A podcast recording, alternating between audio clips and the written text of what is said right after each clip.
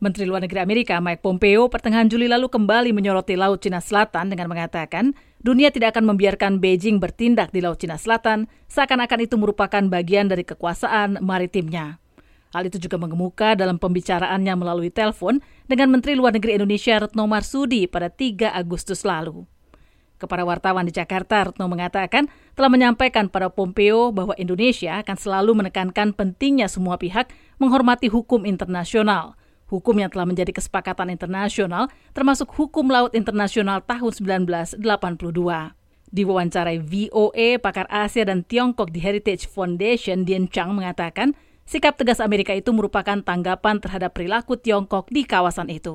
Uh,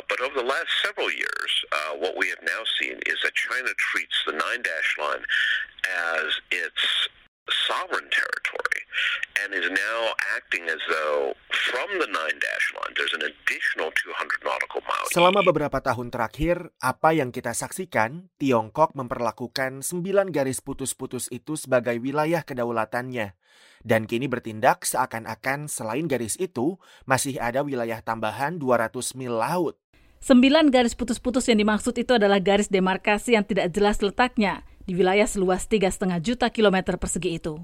Namun demikian, peneliti di Center for Strategic and International Studies (SIS) di Jakarta, Gilang Kembara mengatakan, sejauh ini belum ada indikasi bahwa Tiongkok berniat mengklaim wilayah seluas 200 mil laut dari batas ujung garis putus itu. Uh, sampai sejauh ini kami di Jakarta belum menemukan indikasi atau terdapat suatu pembicaraan mengenai niatan dari Beijing untuk klaim atau menetapkan 200 nautical mile dari batas ujung Nine Dash Line. Alih-alih memperluas klaim, menurut Gilang, Tiongkok justru sedang memusatkan perhatian pada penyelesaian perundingan Code of Conduct dengan negara-negara ASEAN. Dan tentu ini juga mengingat bahwa di tengah pertikaian ini, baik eh, Tiongkok dan negara-negara ASEAN sedang menyelesaikan code of conduct sehingga suatu tindakan spontan yang cukup bombastis itu mungkin akan justru mematahkan segala bentuk negosiasi dari code of conduct tersebut sehingga saya tidak merasa ini adalah in the best interest of Beijing untuk melakukan hal tersebut. Selama lebih dari dua dasawarsa, Tiongkok dan negara-negara ASEAN telah berupaya membahas penyusunan kode perilaku untuk menyelesaikan sengketa wilayah di perairan strategis itu. Ditaksir, perdagangan dan lalu lintas kargo laut wilayah itu bernilai sekitar 3,4 triliun dolar per tahun.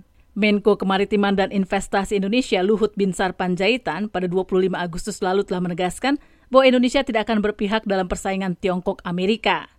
Kembali Gilang Kembara kalau diperhatikan dari sikap pemerintah Indonesia secara resmi, ada pandangan yang merasa bahwa campur tangan dari Amerika Serikat itu justru memperkeruh situasi di Laut Cina Selatan.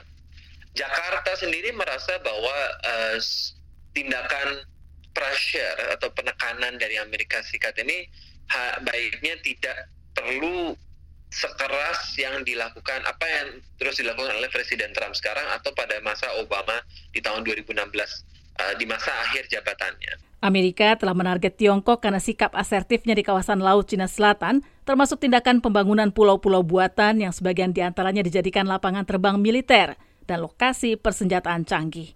Amerika dan juga Jepang khawatir pos-pos itu akan digunakan untuk membatasi kebebasan navigasi di kawasan itu. Di sisi lain, operasi kebebasan navigasi dan latihan militer yang dilakukan Amerika secara berkala di kawasan itu juga telah menimbulkan kemarahan Beijing. Minggu lalu, Tiongkok menggelar kegiatan militer di kawasan itu beberapa hari setelah Amerika menjatuhkan sanksi pada 24 perusahaan dan individu dan menjelang berakhirnya latihan militer tahunan RIMPAC di Hawaii yang merupakan latihan maritim terbesar di dunia yang melibatkan 10 angkatan laut negara-negara sekutu dan mitra regional Amerika. Untuk Jimmy Manan, saya Fama VOA, Washington.